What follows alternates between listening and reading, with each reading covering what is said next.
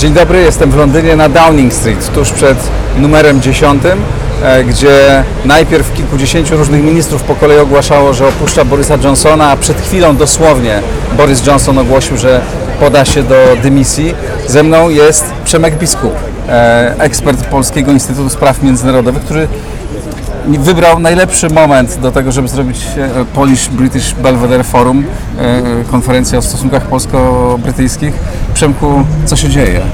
No, wygląda na to, że kończy się definitywnie taki pierwszy wielki rozdział w sadze y, brexitowej w historii Partii Konserwatywnej. Boris Johnson definitywnie odchodzi do historii i wraz z nim myślę, że będziemy mieli dosyć burzliwy okres, y, żeby zobaczyć, kto go zastąpi. I to jest oczywiście nie tylko kwestia personalna, ale również programowa. Za chwilę o tym porozmawiamy dłużej. Tu kończymy nagranie, bo są trudne warunki, hałasy, a potem za chwilę nas e, e, e, pogonią stąd. E, Przenosimy się w inne miejsce, gdzie porozmawiamy o tym, skąd to się wzięło, w ogóle o brytyjskiej polityce, jak to, jak to wszystko tutaj działa, bo działa trochę inaczej niż u nas. Tak. Za chwilę e, wracamy do rozmowy w innym miejscu. Do zobaczenia.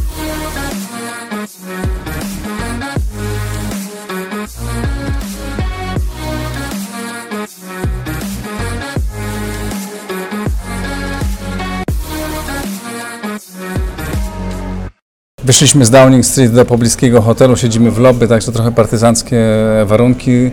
E, Ci z Państwa, którzy zwłaszcza tej rozmowy na podcast, na platformach podcastowych e, słyszą, przepraszamy, jakość może być różna. Przemku, e, przypominam, Przemysław Biskup, e, Polski Instytut Spraw Międzynarodowych. Mm, Po pierwsze, co się, dlaczego Boris Johnson musiał się podać do dymisji, co się stało w jego partii?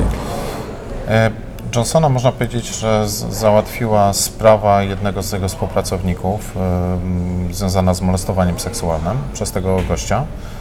Natomiast ogólnie rzecz biorąc, e, Johnson jest ofiarą kumulacji przez mniej więcej rok, może nieco więcej, różnych afer, począwszy od kwestii związanych z e, łamaniem dystansowania społecznego podczas pandemii, Czy powiedzmy sobie zorganizował imprezę na Downing Tak. Street wtedy, kiedy nie można było się w ogóle spotykać? Niejasnym finansowaniem remontu jego służbowego mieszkania z, przy y, najpierw y, użyciu y, funduszy od dziwnych sponsorów, y, próbą y, też sfinansowania tego z, y, ze środków podatnika i tak dalej.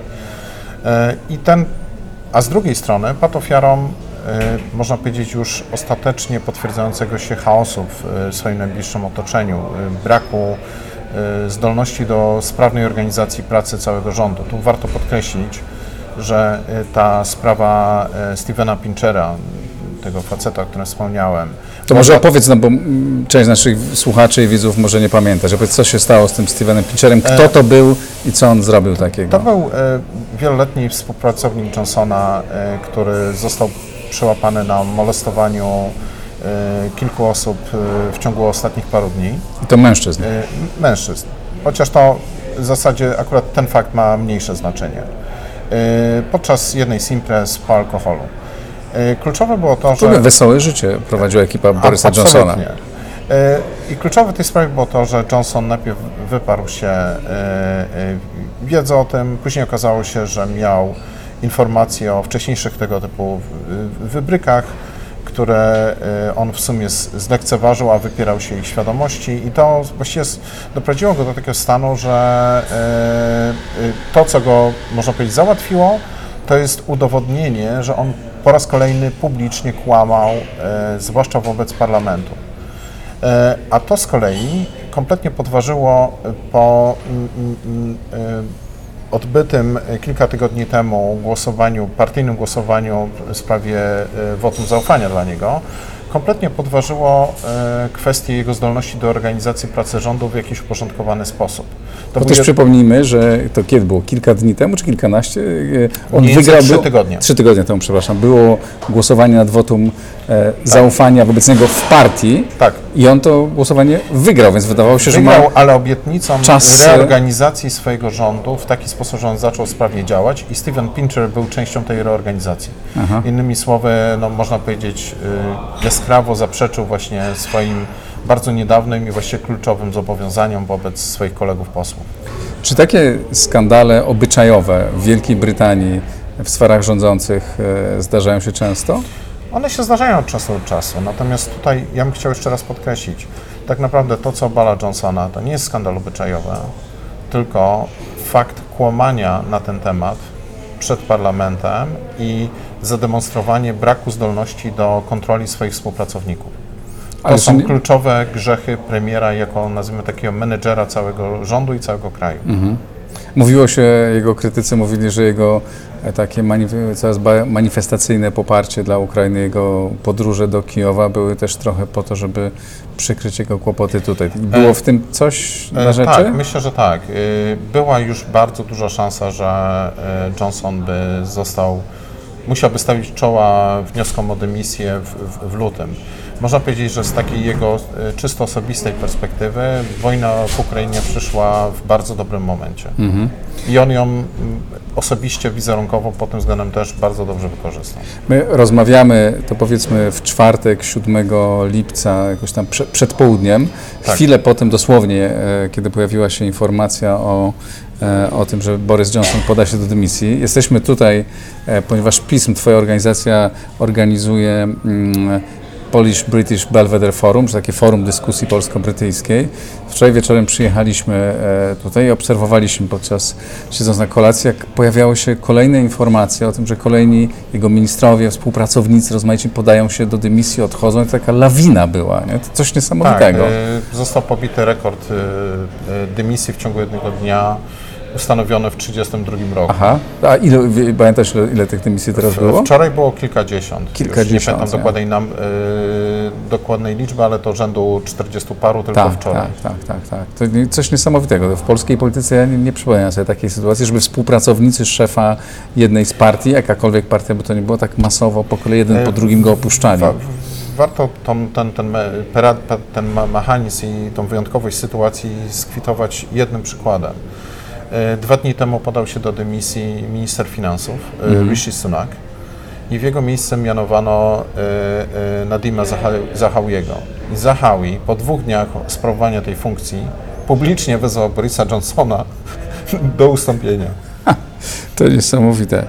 No dobrze, a powiedz jeszcze o samej mechanice, opowiedz nam o mechanice brytyjskiej polityki, bo to działa tutaj inaczej niż w Polsce w każdym razie. Znaczy z jednej strony te skandale, no jednak obyczajowe, takie publiczne kłamstwa i tak dalej, to u nas się tego no, mniej spotyka, nie? Ale też nie ma takich konsekwencji tego, jak już coś się, jak już coś się zdarzy. A tutaj e, wcześniej no, to taka głośna historia współpracownika e, Borysa Johnsona w czasie COVID-u, który pojechał do matki, e, e, jak nikt nie mógł podróżować. No, u nas nie podejrzewam, że był z tego jakaś wielka afera. To był gigantyczny skandal. Tak, ale to jest y, z powodu tego, że te kwestie są definiowane jako nadużycie władzy i Mhm. to jest w kulturze brytyjskiej politycznej i można powiedzieć e, w konwencjach konstytucyjnych to jest bardzo szczególnie napiętnowane i tępione. Podobnie jak oficjalne kłamstwa nie tyle wobec wyborców, co wobec parlamentu i swojego własnego zaplecza. I te grzechy y, Johnson tudzież jego najbliżsi współpracownicy popełniali seryjnie od y, 2020 roku. Do tego y, y, trzeba podkreślić, że y, Johnson był takim kotem o dziewięciu życiach, ale w pewnym momencie zapomniał, że tych żyć jest tylko dziewięć. I właśnie obserwujemy, kiedy to ostatnie dziewiąte życie się, się wyczerpuje. On, myślę, popełnił grzech pychy. Z- Zapomniał, że jednak jest śmiertelnikiem. O, przypomnijmy, że wczoraj, Państwo mogli tego nie obserwować, bo w Polsce pewnie aż tak szczegółowo tego nikt e, nie śledził. Myśmy tutaj w gronie kilku osób e, śledzili, jak on późnym wieczorem, wieczorem, potem teraz późniejszym wieczorem wydawał jakieś kolejne e, takie sygnały publiczne, że nie, nie podam się, nie będę walczył, nie Co zostaję. więcej, on miał właściwie wczoraj spotkanie ze swoimi kolegami partyjnymi, którzy przyszli żądać jego dymisji Aha, e, i on powiedział nie. tak. I No te i- informacje pojawiały się w Tak, domenie tak, tak, publicznej. jak najbardziej. I warto podkreślić, że dzisiaj w zasadzie jak się obudziliśmy, włączyliśmy telefony, uruchomiliśmy Twittera i inne media społecznościowe, posypała się kolejna inform- e, lawina informacji o dymisjach składanych od 5 rano. E, I myślę, że ten tak, masa krytyczna została dzisiaj definitywnie przekroczona. E, e, Było rap- raportowane, że e, Sir Graham Brady, szef, można powiedzieć, komitetu zrzeszającego szeregowych posłów Partii Konserwatywnej, którzy wybierają lidera, przyszedł do Johnsona i najpierw oświadczył mu, że już został osiągnięty taki próg sprzeciwu wobec niego, że y, po prostu będą zmienione zasady wyboru przywództwa, jeśli, jeśli do tego będzie musiało dojść. I jo Johnson, pomimo wszelkich do tej pory formalności go chroniących, zwłaszcza okresu karencji, od tego poprzedniego głosowania, trzy tygodnie powinien upłynąć w normalnych okolicznościach rok, y, on już nie jest przez to chroniony de facto, że cała partia solidarnie y, chce jego głowę. Ale jest w ogóle niesamowite, temperament e, e, e, polityka, mówię o, Johnsonie, jeszcze która się z tym jego fizis doskonale zgrywa, no to jak wczoraj właśnie długo zastanawialiśmy się i dyskutowaliśmy o tym, jak to jest możliwe, że kolejni ludzie odchodzą, a on mówi publicznie, a mnie to nie obchodzi, ja będę, ja będę rządził. I rozważa, mówiliśmy o tym, że być może to nawet byłoby możliwe, żeby on, żeby on przetrwał pomimo tego, no bo jaka mogła być, jaka jest alternatywa? Więc- Byłaby, no bo już dzisiaj nie ma. No właśnie, bo to jest bardzo ciekawa różnica między polskim systemem a brytyjskim. E, W systemie brytyjskim premier jest de facto tym, kim był monarcha 300-400 lat temu. Kompetencje monarchy w Wielkiej Brytanii nie tyle zostały zlikwidowane, co przeniesione na premiera. I to powoduje, że premier jednoosobowo ma niezwykle, niezwykle szeroki zakres uprawnień. Na przykład jednoosobowo mianuje ministrów i ich odwołuje. Czyli ministrowie nie są e, e, e, zatwierdzani przez Izbę Gmin? Nie. Aha. Tylko się Izba głosuje Gmin- premiera? Izba Gmin może zgłosić wotum nieufności do danego ministra, ale Okej. żeby tak po prostu go odwołać i powołać, nie potrzeba zgody Izby Gmin. Okej. Czyli w ogóle nie konsultuje tego z Tak? Idzie nie- do królowej znaczy i inaczej, mówi... Premier może konsultować, ale nie ma obowiązku. I Jasne. teraz właśnie w przypadku takiej osoby jak Johnson, która po prostu na wszystkie te miękkie warstwy regulacyjne Konstytucji Brytyjskiej, które są uregulowane bardziej zwyczajnie niż prawem, mówi nie. E, No, obrazowo mówiąc, pokazuje bardzo duży środkowy palec. To e, w zasadzie e, były tylko dwa sposoby, żeby go obalić. Jeden to było zgłoszenie przez opozycję konstytucyjnego wotum nieufności i poparcie tego wotum nieufności przez część jego posłów, ale to by była moim zdaniem e, początek wojny domowej w partii konserwatywnej. E, rozwiązanie absolutnie atomowe. No i drugie to jest zmiana reguł związanych z wyborem przywództwa jego własnej partii. E, I to było w, zawsze było w, w gestii tego Komitetu 1922 zrzeszającego szeregowych posłów, którego szefem był wspomniany Sir Graham Brady. I e, poprzez zmianę e, dokonanie dużo szybszego, e, dużo szybszego e, ponownego głosowania nad wotum nieufności dla niego, ale w ramach samej partii. I wydaje się, że wczoraj ten, ten krytyczny próg głosów niezbędnych do tego został osiągnięty. Brady poszedł, pokazał to Johnsonowi. Johnson uznał, że w takim razie no, teraz już naprawdę nie ma wyjścia i trzeba się podać do dymisji. Opowiedz jeszcze proszę, jak wyglądają tutaj głosowania. E, e, bo to wygląda bardzo, bardzo ciekawie w parlamencie, zupełnie E, inaczej niż tak, to- to u jest nas. bardzo- Po pierwsze, rozumiem, że nie ma guziczków. Nie, nie ma guziczków, co więcej nieprzypadkowo. Co, warto też powiedzieć, że żadna z dwóch izb parlamentu nie jest w stanie fizycznie pomieścić wszystkich członków swoich. Aha. Izba Gmin ma pojemności mniej więcej 200 osób, a liczy 6, 650 posłów.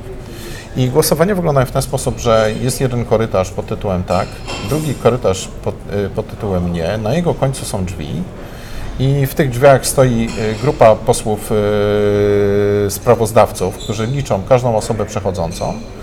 No i można powiedzieć, przy naj, największych głosowaniach, gdzie stawia się na przykład 100% posłów, to potrafi to trwać godzinę. Co więcej, nie ma zakazu przejścia przez oba drzwi, czyli e, Czy można deklarować i tak, i nie? Tak, to oczywiście Można być za, a nawet przeciw. w praktyce to oczywiście oznacza, że taki poseł kasuje swój głos, ale czasami jest to potrzebne e, dla posłów. To znaczy umożliwia na przykład pokazanie się własnemu szefostwu, że się głosowało za, a później dyskretnie przejście, przejście za głosowanie na nie e, w sprawie, której, e, której, e, e, której się osobiście na przykład nie popiera albo się wstydzi. No, ale to szefostwo widzi przecież, że dowie się, że głosowałeś na nie. E, Tak i nie, to nie zawsze tak działa. Aha. Tak? Pamiętajmy, Można to ukryć? Głosowanie może trwać ponad godzinę. Aha. To, to, może tak, się to, przemknąć. to, się- to się daje ukryć. A rozumiem, też można kalkulować, że zobaczysz, że tutaj Tak, ta, tak. ta kolejka dłuższa, to ja nie, nie, Znaczy, no, przerzucam można, siły można na się drogę. ustawić na przykład w sprawie ważnej dla rządu, której, której jednak dany poseł nie popiera, można się ustawić na początku kolejki za tak, a później dyskretnie pójść jeszcze zagłosować na nie. No dobrze. Co teraz będzie? Będzie dalej rząd konserwatywny? E, e, wedle najnowszych doniesień medialnych, ale pamiętajmy, to są headlines, tak? Tak, i rozmawiamy, przypomnę, rozmawiamy w czwartek przed południem, to się Tak. Państwo możecie słuchać tego, nie wiem, za kilka Wydaje dni, się, że Johnson będzie już e, inaczej. wynegocjował jedną minimalną rzecz w zamian za dobrowolną dymisję i brak konieczności rozpętania wojny domowej w ramach partii rządzącej. To znaczy to, że pozostanie premierem do czasu wyboru swojego następcy, że nie będzie musiał się podać do dymisji natychmiastowo. I to jest, można powiedzieć, procedura w miarę standardowa. A jak długo to może potrwać? E, po, I i tu, tu dochodzimy do, do sedna problemu. E, e, Ostatni raz, kiedy mieliśmy tak bardzo niejasną sytuację związaną z ewentualnym alternatywnym przywództwem, mieliśmy w 2019 roku, kiedy to sam Johnson został wybrany. I wtedy była rekordowa liczba pięciu rund wyborów przywódcy przez posłów Partii Konserwatywnej. E, posłowie muszą skończyć z dwoma kandydatami i następnie tych dwóch ostatnich kandydatów e, rozstrzygnięcia między nimi do, dokonują e, członkowie Partii Konserwatywnej w głosowaniu powszechnym. To jest, e, e, to jest, e, e, to jest, o ile dobrze pamiętam, około 150 tysięcy osób w ramach całej Aha. Wielkiej Brytanii. I wydaje mi się, że tym razem będziemy mieli e, podobną liczbę rund. E, Znacznie więcej niż standardową, czyli jedno, Czy to jeszcze jedną, potrwa dwie. trochę?